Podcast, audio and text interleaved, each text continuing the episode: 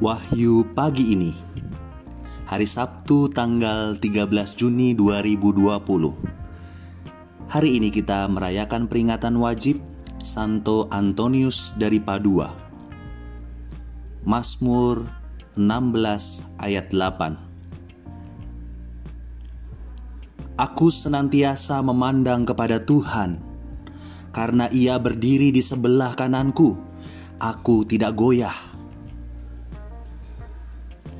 Belajar dari pemazmur Mari mengarahkan seluruh kehendak Dan niat-niat baik Serta tindakan kita hari ini kepada kehendak Tuhan Yaitu kebaikan.